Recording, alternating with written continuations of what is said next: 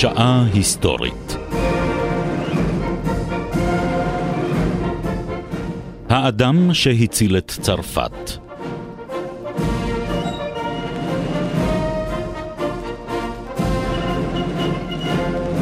הפרופסור מיכאל הרסגור וליעד מודריק משוחחים על שרל דה גול.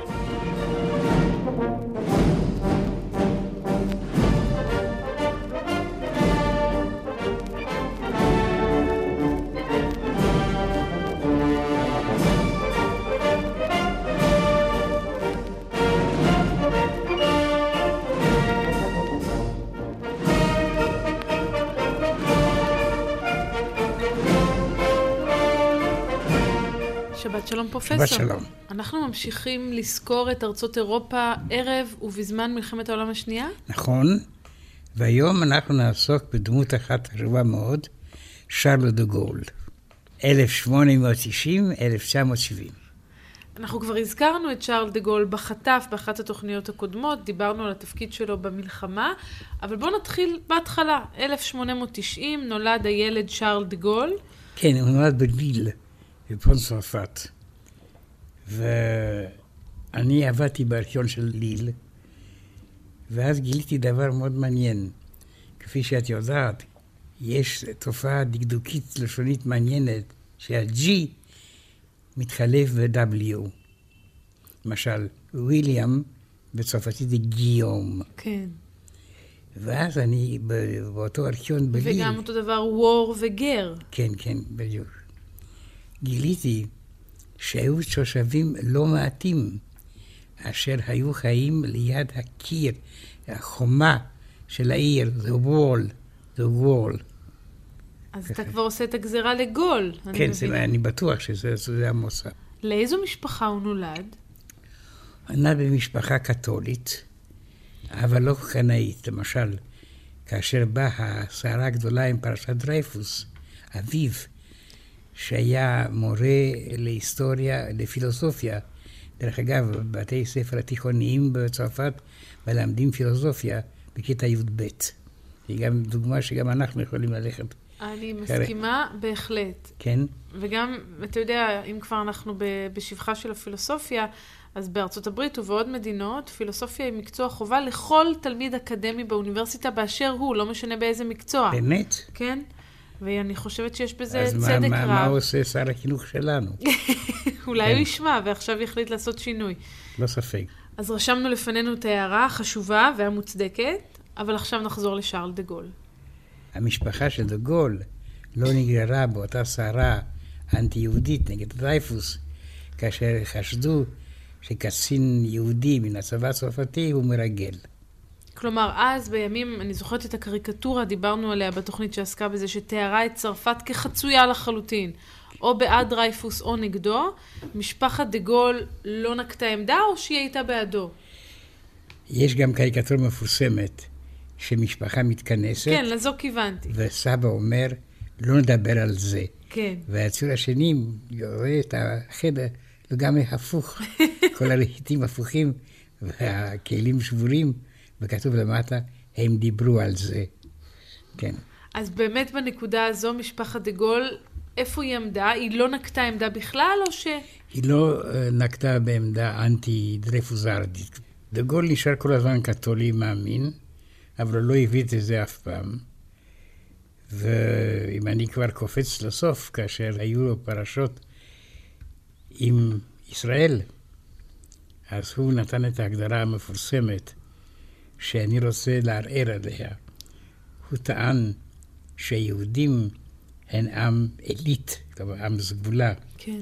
בטוח בעצמו, והוא שתלטן. אבל אני חושב שהוא לא התכוון, זו טעות. זה לא מתאים כל כך ליהודים, זה מתאים לישראלים. כן, והוא הכיר הרי את הישראלים הוא גם הכיר את ש- השתלטנות. שהרגיזו אותו.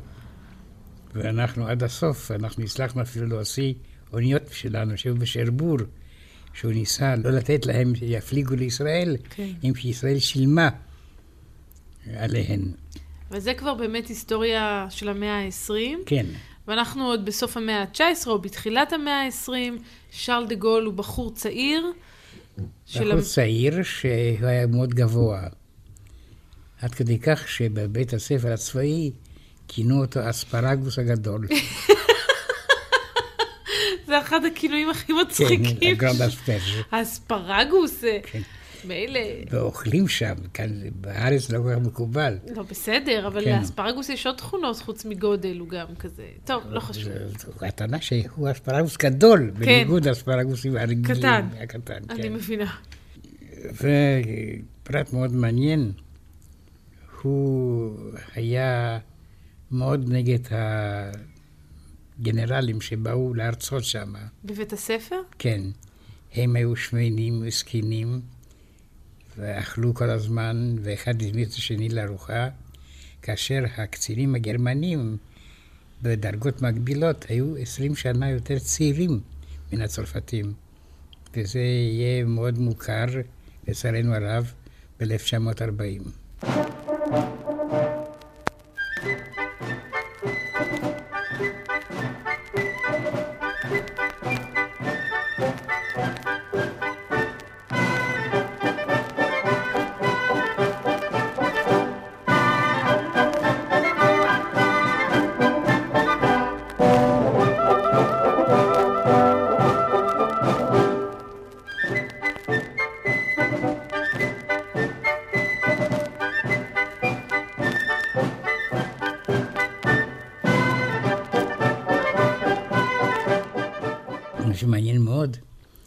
למד גרמנית, ואחד הרעיונות היסודיים שלו היה לשים קץ לאיבה המסורתית בין צרפתים לגרמנים. בכלל, עצם זה שהוא למד גרמנית, זה כן. ממש יוצא דופן הוא אפילו לתקופתו. דיבר גרמנית. כשהיה בגרמניה הוא היה מדבר גרמנית, אומנם במבטא היום, אבל הוא השתדל, והגרמנים העריכו את זה. מאיפה מגיע הרעיון הזה שלו, שצריך להביא לפיוס היסטורי בין שתי המדינות? מפני שהוא חשב שהמאבק שנמשך מאות בשנים החליש את שתי המדינות. זה עוד טרום מלחמת העולם הראשונה? כן, ודאי. ואני רוצה להוסיף משהו לא כל כך נעים, כן. כי הוא טען שכל זה לטובת אנגליה.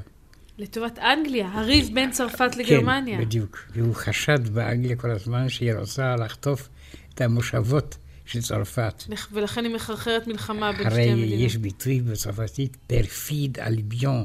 אלביון זה אנגליה, אנגליה הצבועה. שהיא תמיד, סוף סוף הם ניהלו מלחמת מאת השנים. אבל מה הטענה? הטענה היא שאנגליה מחרחרת מלחמה כדי שצרפת ש- תשקיע משאבים בגרמניה ולא זהו, תתעמת ש- מולה? ש- שפשוט שאנגליה רוצה לחטוף את המושבות הצרפתיות. ולכן יש לה אינטרס שצרפת תכלה משאבים במלחמה מול גרמניה. כן. ועל כן אה, ההיגיון שלו היה בריא, אבל אנגליה לא חתרה לחטוף את המושבות, פשוט מאוד. הוא, לא, הוא טעה בעניין היסודי הזה. וכאשר הוא כבר היה באנגליה, צ'רצ'יל עזר לו מאוד. הוא קיבל אותו כשהוא ברח מצרפת, והחליט להקים תנועת המרי נגד הגרמנים. אשתו של צ'רצ'יל, קלמנטיין, אמר לו, גנרל, אתה לא חייב לשנוא את הידידים שלך יותר מן האויבים. טוב, אבל האיבה הזו ארוכת השנים בין צרפת לבין אנגליה, אני לא יודעת מה אפשר לעשות כדי לכפר עליה. היא עברה, אה, יש עברה להמתין כ- ולא עברה. לא, יש להמתין כמה מאות שנים, שזה יעבור. אז אנחנו נמתין בסבלנות. בינתיים אנחנו עם דה גול, שהוא מה, חייל צעיר? קצין צעיר? קצין צעיר, ומאוד מעניין שכאשר הוא שירת בצבא הצרפתי, קצין בכיר לקח אותו תחת כנפו. והקצין הזה, הבכיר, היה פיליפ פטן, שלאחר זאת יהיה היריב הגדול, היריב ה... זה חיים מוות של דה גול. מעניין. כאשר פטן יהיה בראש ממשלה ששיתפה פעולה עם הנאצים, ממשלת וישי. בישי, כן, ודה גול היה דווקא במחנה ההפוך. ברור שהשניים לא יכלו לחזות את העתיד שלהם, אבל מה, לפי הזיכרונות של פטם ומה שהוא מספר, מה גרם לו לפרוס את חסותו על הקצין הצעיר הזה? איפה הוא ראה את ההבטחה בדה גול? מפני שהוא היה מאוד מרשים, ומרחיב את חבריו שלה והקצינים הצעירים.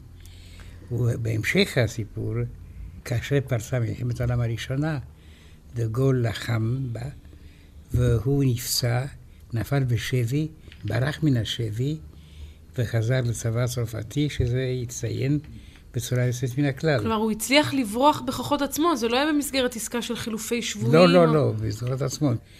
בשדה הקרב היה מעורבב, וזה היה מלחמות הללו, שנקראת מלחמת הבוץ, מפני שלאחר שתוכנית שליפן נכשלה, והגרמנים לא יכלו לנהל מלחמת תנופה, הם נאלצו לכפר. נזכיר רק ממה שדיברנו בתוכניות הקודמות, תוכנית שליפן באמת היה הרעיון שגרמניה תתקדם קדימה, ובמהלך של תנופה תצליח לכבוש במקביל כמה שיותר שטחים. בעצם מה שקרה בסופו של דבר... ולנצח. ולנצח. כן. מה שקרה בסופו של דבר זה שהם נקלעו למלחמת חפירות. מה שהם רצו להימנע מ... ולא הצליחו. בעצם עמדו במקום. עמדו במקום, והייתה התזת דם איומה בוורדן, היו מאות אלפי מתים. אבל דה גול בשלב הזה הוא חייל מן השורה? לא, הוא שהוא... קצין. הוא קצין, קצין אבל, אבל הוא מפקד בכיר עוד לא. עוד לא, עוד לא.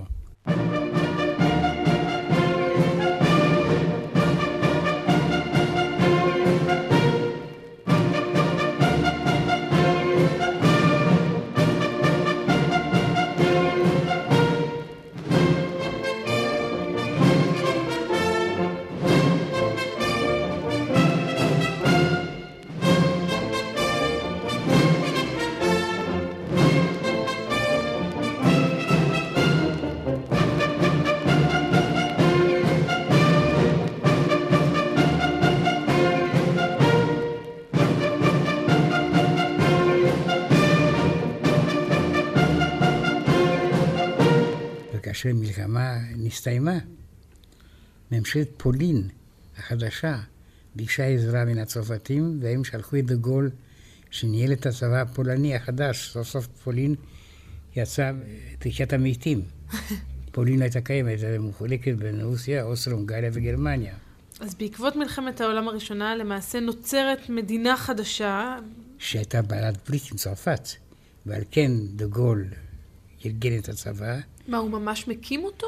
הוא תרם מאוד לארגונו, ואחרי זה הוא קיבל אפילו אות ההצטיינות העליון ביותר של פולין, וירטוטי מיליטרי, זה בלטינית השם, והציעו לו להיות רמטכ"ל של הצבא הפולני, אבל הוא סירב, וחזר לארצו.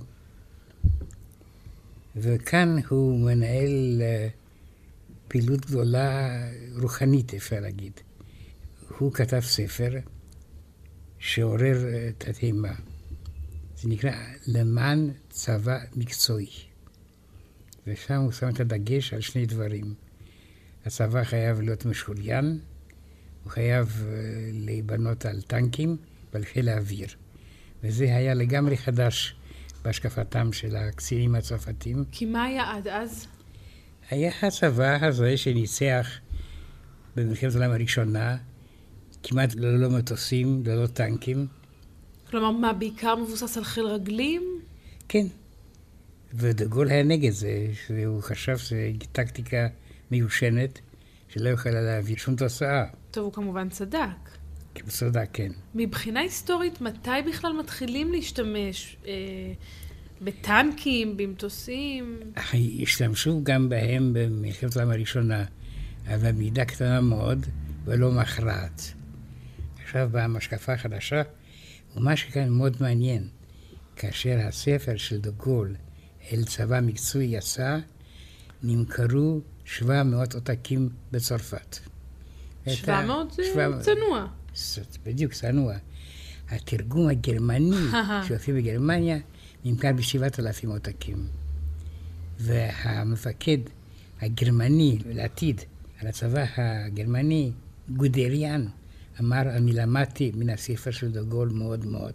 אז הצבא הגרמני מצטייד כמה שהוא יכול, כי אנחנו אחרי מלחמת העולם הראשונה, וכבר דיברנו על חוזה ורסאי והמגבלות שהוטלו על גרמניה. הצבא הצרפתי מאמץ את העצות האלה, המסקנות של דגול?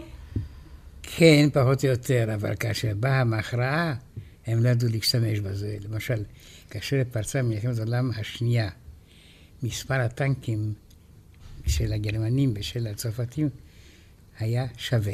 אוקיי. אבל הגרמנים ידעו להשתמש בטנקים, והצרפתים לא. אצל הצרפתים כל טנק היה קשור באיזו יחידה, ולא הייתה השקפת כוללת של uh, הפעלתם בימי קרב. טוב, אבל... זה באמת דורש מהפך מחשבתי עצום. זה שינוי אסטרטגי כולל, גם, גם אגב מבחינה תקציבית של רכישת הטנקים, אבל באמת להבין מה עושים איתם. כן, אבל אני רוצה לציין דבר מאוד מעניין. המלחמה לגבי צרפת הייתה קטסטרופה, והצבא הצרפתי נסע כל הזמן עד שעד הסוף נכנע. הנקודה היחידה בחזית שהצרפתים השיגו איזושהי הצלחה צנועה היה הקטע שבו פקד דה גול. ובקרב מונקורנה, כאשר הוא התקיף 200 טנקים, לא, הגנה אווירית, זו הייתה נקודת האור הראשונה והיחידה במפלה השחורה שהצרפתים חשבו אותה. מתי זה קורה? ב-1940. אבל גם המאבק הזה של דה גול בסופו של דבר נכשל, כי צרפת נכבשת על ידי הנאצים. נכבשת, אבל עכשיו בא הרגע הגדול, כאשר דה גול מגיע למסקנה שאני לא אכנע. עוד לפני זה, אני רק מנסה להבין את חלקו במלחמה עצמה, כמה הוא בכיר בצבא הצרפתי באותה תקופה? הוא מונה סגן שר הביטחון. אה, כלומר, כן. בכיר מאוד. זה לא שר ביטחון, אבל זה סגן שר ביטחון. סגנו. סגנו, כן. בכל זאת, כן. לא קוטל קנים.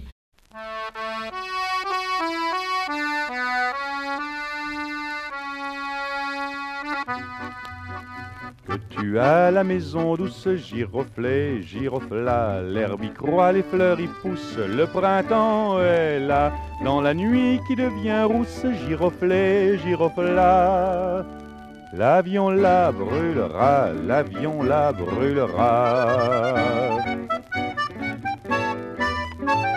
Tu as de beaux champs d'orge, giroflé, girofla, ton grenier de fruits regorge, l'abondance est là. Entends-tu souffler la forge, giroflé, girofla Canon les fauchera, le canon les fauchera. היו כמה קצינים, גנרלים צרפתים שהבינו את ההבטחה שאיבדו גול, וכן רצו להפעיל אותו לנצל אותו. אבל כאמור, הניסיון הצרפתי להתגונן נכשל, הגרמנים כובשים את צרפת, ואז מגיע הרגע שבו דה גול מחליט להתנגד. קודם כל, ראש הממשלה הדמוקרטי האחרון, פול רנו, מוסר לו מאה אלף פרנקי זהב, כדי שהוא ידע שהוא, דה גול רוצה להמשיך במאבק, ועם הכסף הזה הוא טס, וזה היה מאוד מסוכן. כשהלופטוואפה, חיל האוויר הגרמני, היו מלאים את כל הרקיע, הוא מצליח לטוס לאנגליה. כן.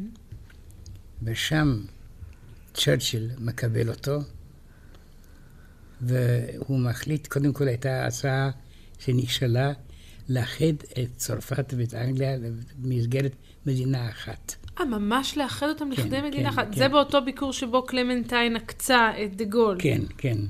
של מי היה הרעיון הזה? זה רעיון מהפכני. מהפכני מאוד, אבל הוא לא, לא ניתן להגשמה. כי הצרפתים חשבו שעל ידי זה נוכל לעודד את החיילים שלנו ולתת להם תקווה לעתיד. זה טרם הכיבוש הגרמני? זה, זה טרם הכיבוש הסופי, כלומר, בימים האחרונים. כבר היה ברור שצרפת הולכת להפסיד, וזה היה מין צעד אחרון שאולי יכול היה להציל את המצב. בדיוק. צ'רצ'יל היסס, אבל הסכים. הסכים? הסכים, כן. אם כי זה היה לגמרי בניגוד לכל המסורת האנגלית. ברור. כן. צרפת היא רפובליקה, האנגליה היא מלוכה, כיצד אפשר לפייס בין המשטרים השונים הללו. אבל זה לא הוגשם, זה היה כמעט בלתי ניתן להגשמה. ועל כן בא הרעיון של דוגול לפנות לעם הצרפתי מתוך הטריטוריה הבריטית. כן, הוא טס, כפי שאני הזכרתי, לאנגליה, בסכנה גדולה מאוד, מפני שהשמיים היו מלאים מטוסים גרמנים. כן. צ'רצ'יל מקבל אותו, ואז ב-18 ביוני 1940 הוא נואם את הנאום הגדול ב-BBC, ששם הוא אומר, צרפת הפסידה קרב, היא לא הפסידה במלחמה. Moi, général de Gaulle, j'entreprends ici, en Angleterre, cette tâche nationale. J'invite tous les Français qui veulent rester libres à m'écouter et à me suivre. Vive la France, libre, dans l'honneur et dans l'indépendance. אגב, את כל הדברים האלה הוא עושה לבדו? הוא טס לבד, הוא כן, כן. פועל על דעת עצמו. הזכרת קודם שראש הממשלה העניק לו תמיכה כספית משמעותית. כלומר, אבל ראש הוא לא הממשלה נוסע זה- כשליחו, או שכן. לא, לא שליחו כי הוא התפטר, הרי כן. רנו נאלץ להתפטר ולמסור את השלטון לפטן. אגב, איך באמת התנהל העניין הזה של המ- המלכת, או אני לא יודעת אפילו איך לקרוא לזה, עלייתה של ממשלת וישי? הגרמנים מאלצים את רנו להתפטר, לא מאלצים אותו, הוא התפטר מפני ש... מפני שהיא נכבשה. כן. ועל כן אה, וישי חשבו שאת מי להעמיד מול הגרמנים, הגיעו למסקנה רק גיבור של מלחמת העולם הראשונה, וזה היה פיליפ פטן, אשר היה אומנם שגריר צרפת בספרד, ועכשיו הוא הפך להיות ראש המדינה. אבל הגרמנים היו מעורבים בעלייתו לשלטון, או שזו הייתה החלטה פנים-צרפתית? זו החלטה פנים צרפתית, אבל הגרמנים קיבלו את זה מפני שזה היה סמל שהם המנצחים. וצרפת אה, במצב של ייאוש טוטאלי, מנסה למצוא איזה פתרון פלאים. אבל היו לו איזה שהן שאיפות להתקומם נגד הגרמנים, או שמהרגע הראשון הוא שיתף איתם פעולה? הוא החליט לשתף פעולה, מפני שהגיע למסקנה שאנגליה לא יכולה לעזור, אבל אה, שיתוף הפעולה הזה הפך יותר ויותר לטובת הגרמנים. וזה קודם כל לציין על ידי דיכוי הניסיון של מרד צרפתי, הרזיסטנס, דוכא על ידי פטן, של הוציא צרפתים רבים למוות. מה, מתוך איזו תפיסה? כלומר, הוא טען שהמחתרת, הרזיסטנט, פוגעים באינטרס הצרפתי, ברור. ולכן צריך לדכא אותם? זאת הייתה הטענה? כן, יסוד מחשבתו של פטן הייתה הניצחון הגרמני הוא בלתי מעורער. כן. מה שלא יהיה, האנגלים והאמריקאים יוכלו שום דבר לעשות. ולכן אין טעם להתנגד, זה רק יוביל לפגיעה בצרפת, בדיוק. וצריך לדכא כל ניסיון כזה. והגרמנים כמובן היו מאוד מאושרים. כן, אפשר. שהיה משחרר אותם מכל דאגה לגבי צרפת. עד כמה היה לו ערוץ תקשורת ישיר עם היטלר, לפטן?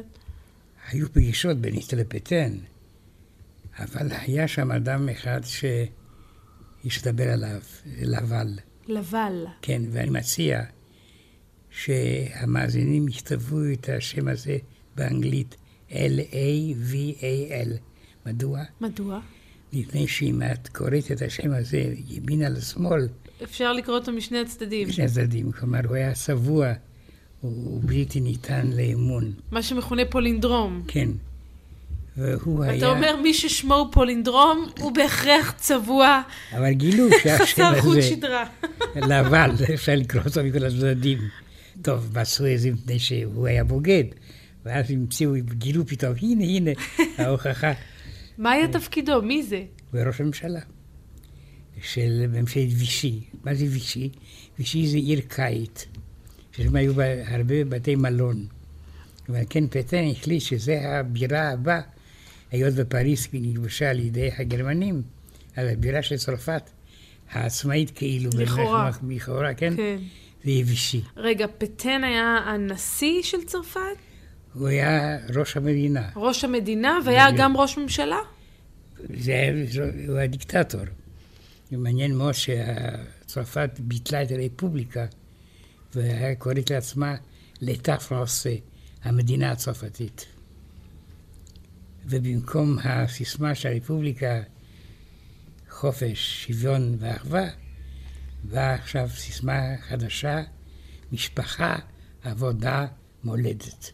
שזה פחות מלהיב, פחות מלהיב וגם מאוד מרפרר לעולם התוכן הנאצי. בדיוק. משפחה, עבודה, מולדת, אפשר ממש לראות לנגד העיניים את תמונות התעמולה הנאציות של הגרמנים, הארים העובדים עם משפחתם, עובדים את המולדת, מאוד מאוד מתחבר לעולם התוכן הזה.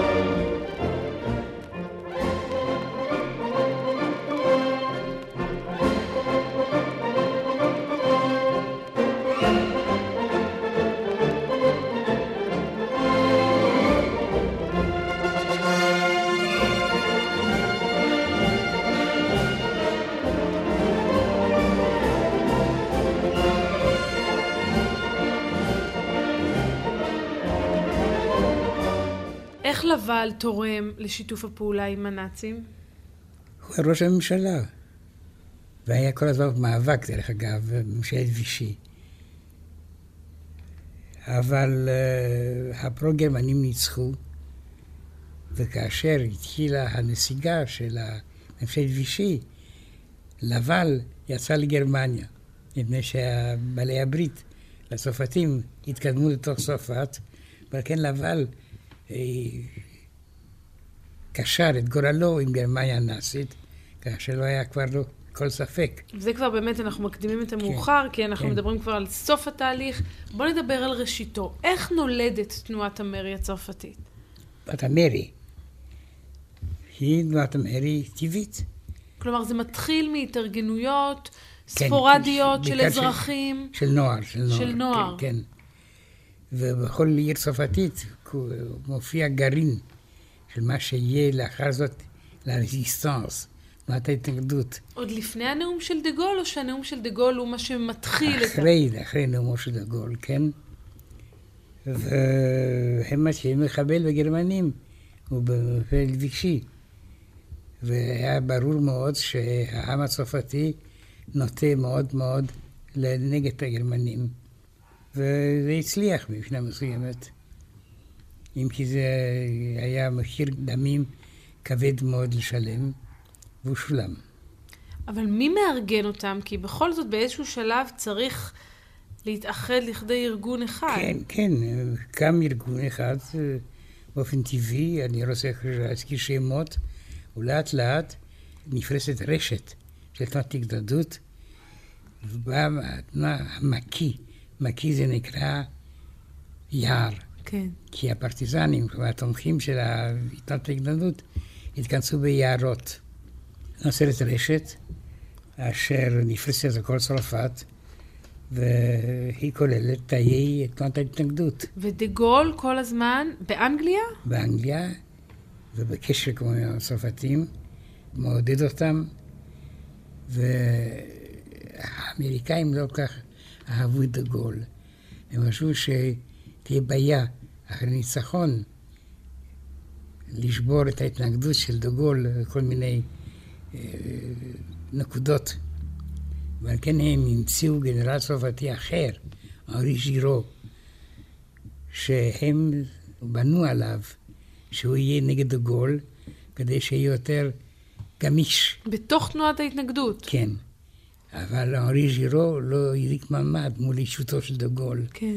והוא התפטר מעצמו. אגב, תנועת המרי הזו היא כולה מורכבת מצרפתים.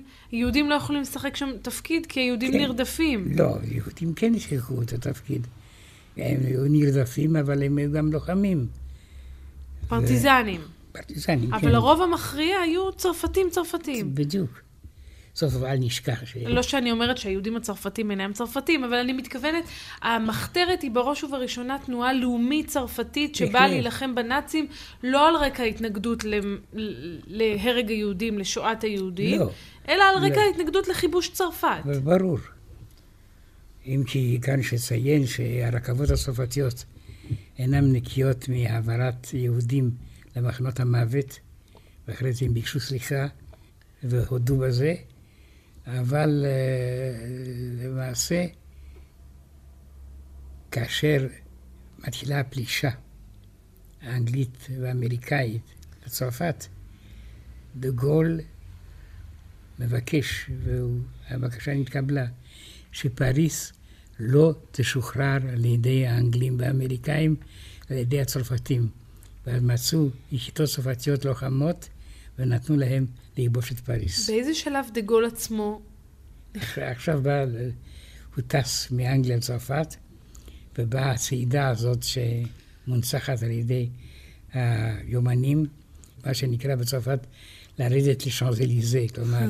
לצאת משאר ניצחון ולהגיע לכיכר קונקורד, כאשר כל העם מריע, וזו התקופה הגדולה ביותר, כאשר הוא מדבר, הוא נואם בעיריית פריס, ודרך אגב, דה גול, כאשר בא לפריס, הוא נכנס למשרדו, משרד הביטחון, משרד שהוא תפס בהיותו סגן שר ביטחון, כן. כדי להוכיח המשכיות כן. תנועת המרי והעצמאות הצרפתית. Montez de la mine, descendez des collines, camarades.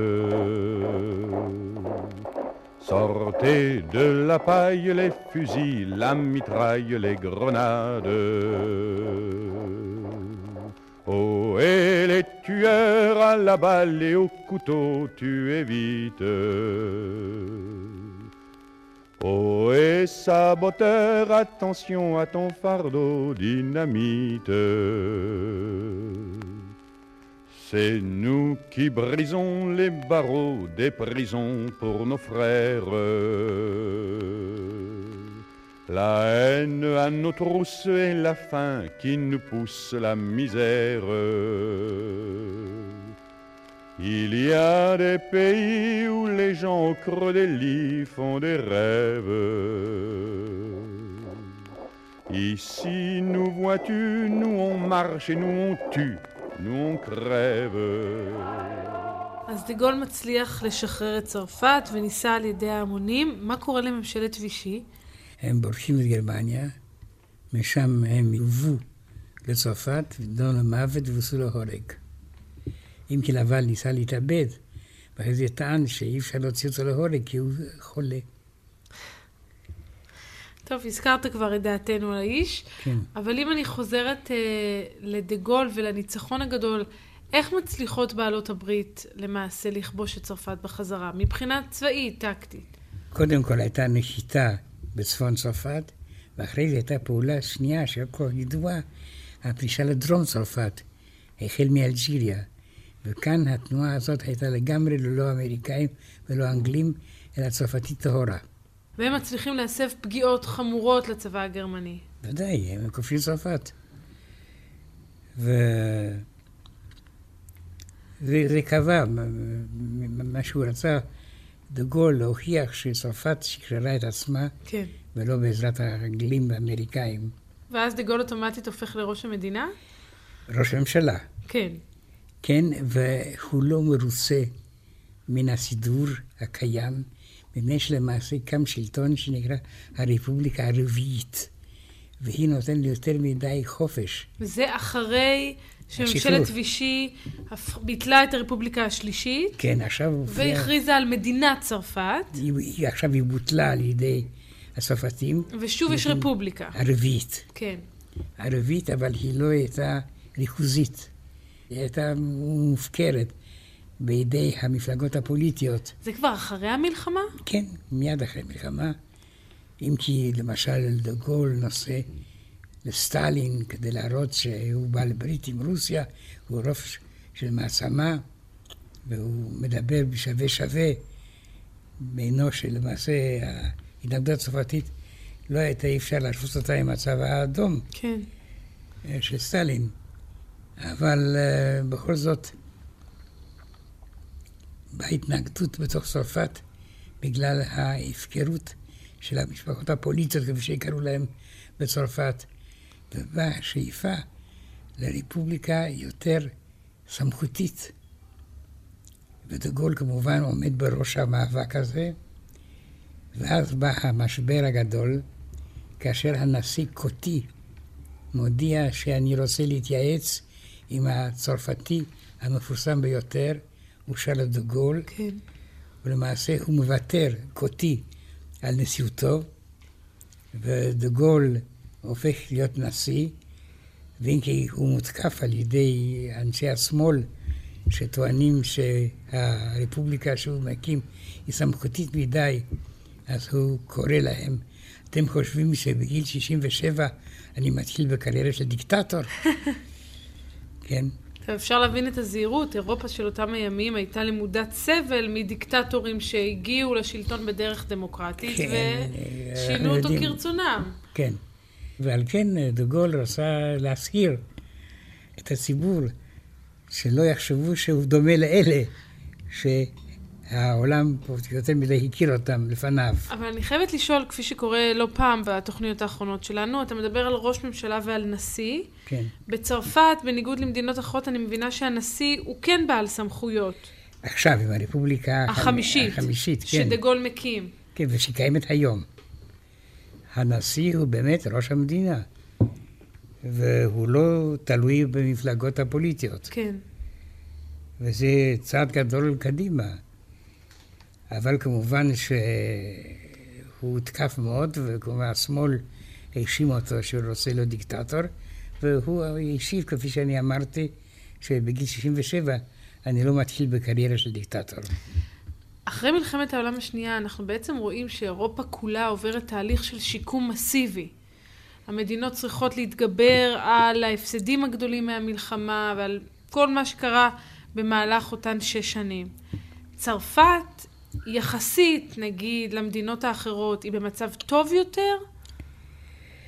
מצב יותר, זו מדינה פוריה ויש את התעשייה ויש חקלאות. La la la, mine de rien, la voilà qui revient. La chansonnette, elle avait disparu, le pavé de ma rue était tout bête. Les refrains de Paris avaient pris le maquis, les forains, l'orphéon, la chanson de maquis. Mais on n'oublie jamais le flonflon qui vous met le cœur en fête quand le vieux musicien dans le caratier vient revoir les anciens faire son métier, le public se souvient. La chansonnette, tiens, tiens.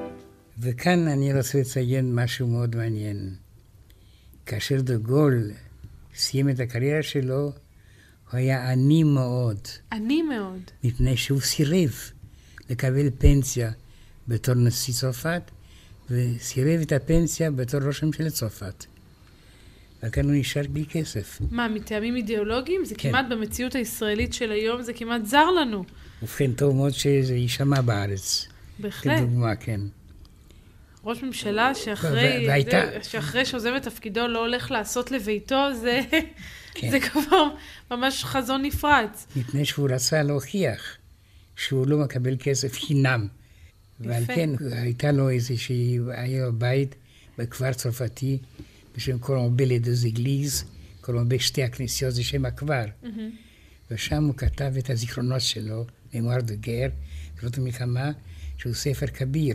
זה כבר, אבל אחרי שהוא פורש, אנחנו עדיין לא דיברנו על תקופת שלטונו. כן, שהיא, בניגוד למלחמה, היא כבר הייתה רוויית מחלוקות גם. עוד איך. הוא כבר. מאבד את הזוהר הגדול של המנהיג הצבאי, ועוד- ומסתבך מאוד באלג'יר, קודם כל, ואחרי זה יש גם מרד הסטודנטים ב-68. בפריז ב-1938. אז בואו נתחיל קודם באלג'יר. מה קורה שם מבחינת דה גול? באלג'יר לא הייתה נחשבת למושבה צרפתית, אלא לחלק של צרפת. וזה שקר, מפני שהייתה מושבה. למעשה הצרפתים שלטו בצ... מאז באלג'יר. 1830, מאז 1830. כן. ומאוד מעניין שב-1830 אלג'יר נכבשה על ידי שרל העשירי, שרצה להסיר פחד המהפכה על ידי ניצחון צבאי באפריקה. אז משארל עד צ'ארל בהקשר בדיוק. הזה. אבל האלג'ירים מתחילים להתקומם. ב-1954. ואני רוצה להגיד לך, בשבילי זו הייתה תימה מוחלטת. אלג'יר נגד צרפת, אה, אלג'יר שלנו. והרבה צרפתים, נוסף לזה, אל תשכחי. גם, גם היו, צריך לומר, היו צרפתים שישבו באלג'יר. לא, היו יורדים מצרפת לאלג'יריה, כן. מה שנקרא הרגליים השחורות, לפיינואר. וכמובן הייתה בעיה גדולה מאוד. ואז דה גול החליט, נחזיר את כל הפיינואר לצרפת, בצורה מסיבית. ומאות אלפי צרפתים הוחזרו לצרפת ומצאו פרנסה. אבל הוא מנסה לדכא את ההתקוממות האלג'ירית גם בכוח.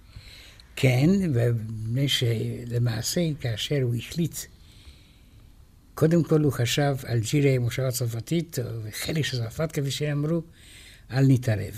אחרי זה הוא הבין שאין סיכוי להחזיק באלג'יריה, ואז הוא החליט להעניק עצמאות לאלג'יריה, מה שגרם להתנגדות בקרב הצבא, והיו יחידות צבאיות שהתמרדו נגד דה גול. והקים ניסיון של ממשלה נגדית, ימינית. וזה כמובן הייתה, בצרפת פחדו שהיחידות הללו יפלשו לצרפת, מאלג'יריה. אבל זה לא קורה. זה לא קורה, כן. אם כי היה רגע של אה, פחד. ראש הממשלה היה מישל דברה, שהוא מצאצאים של הרב הראשי של סטרסבורג. אה, כן, הוא קתולי, אבל ממוצא יהודי, כן. אז זה לגבי המשבר באלג'יר, והזכרת קודם נקודת שפל נוספת בשלטונו של דה גול, וזה מרד הסטודנטים. שפל מבחינת דה גול כמובן, מבחינה היסטורית מרד הסטודנטים כן, הוא אירוע משמעותי. סטודנטים פרץ עשר שנים אחרי שהוא תפס את השלטון. והסיסמה הייתה, דיזון ססיפי, עשר שנים, די, מספיק. מספיק, כן. למה הם מתקוממים נגדו? הם התקוממו מפני, אני רוצה להגיד לך שאני מכיר את הבעיה הזאת, מפני שלהיות סטודנט בצרפת זה היה עינוי. עינוי. עינוי. היו פחות מדי אולמות, פחות מדי מרצים. ההרצאות הועברו על ידי קולנוע בטלוויזיה, אה, על ידי כמה אולמות, וזה לא היה כל קשר בין המרצה לבין הסטודנטים. יכולת לקבל בצרפת באותה תקופה תואר דוקטור, בלי לדבר אף פעם עם מרצים. שזה מצחיק, כי היום אנחנו באוניברסיטאות רואים ובמכללות רואים תהליך בדיוק כזה, של מעבר של שיעורים דרך האינטרנט או בצילומי וידאו, ואתה אומר, זה מה שהקפיץ את הסטודנטים הצרפתים אז. אז זה היה כורח המציאות, היום זה נחשב חידוש טכנולוגי מסעיר. בהחלט, אבל הם קיבלו את זה כבודו, ההפגנה של זלזול. אבל מרד הסטודנטים לא נבע רק מאינטרסים סטודנטיאליים צרים, היה, זו הייתה אמירה חברתית יותר רחבה, לא? הם עשו שינוי כללי. אה, אני אה, מצאתי למשל, הייתי בפריז באותה תקופה, כן. וראיתי שעל נוטרדם, הכנסייה, הייתה סיסמה גדולה, הלאה הצפרדע. הצפרדע זה ישו, זה לא כל כך מנומס. אבל אה, זה היה מרד עמוק מאוד, שכלל בין השאר השביתה הגדולה ביותר בהיסטוריה. איך דה גול מתמודד עם זה? הוא לא מתמודד עם זה. הוא מבין שזה מעבר ומעל, ואז הוא למעשה הוא תופס שהגיע הזמן לסגת, והוא חוזר לכפר שלו, קוראים לזה אגליז, פורש, פורש וכותב את הזיכרונות שלו, שהזכרת קודם. שהם כל כך יפים מאוד. יש, קודם כל- הוא שופך את נפשו. ועל כן זה זיכרונות אומנם היסטוריים, אבל מאוד מאוד אישיים. הוא טוען, הייתה לי מאז ילדותי השקפה מסוימת על צרפת. ופעם אמר, לצרפת אין ידידים, רק אינטרסים. זה די אה, סיסמה לא, לא, לא מלהיבה, אבל מאוד מציאותית ומאוד אה, ריאליסטית. אז עכשיו כשאנחנו כבר בשלב של ספר הזיכרונות, וגם דה גול עושה מעין חשבון נפש, לו היית מתבקש לסכם את תפקידו של דה גול בהיסטוריה הצרפתית, איך היית עושה את זה? הוא הציל את צרפת, פשוט כך. פשוט מאוד, כן. הקול הגוי היחידי, אבל הקובע, שאמר, אנחנו לא נוצחנו, נמשיך במלחמה, ננצח. וילה פרס.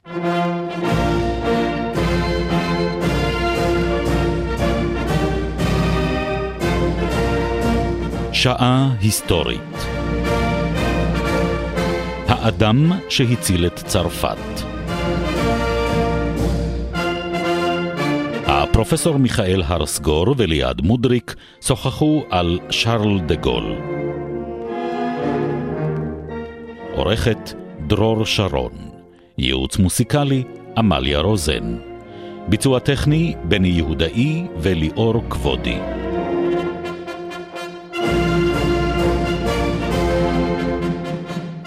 בתוכנית הושמעו שירים בביצועו של איב מונטן לצד מרשים צבאיים צרפתיים.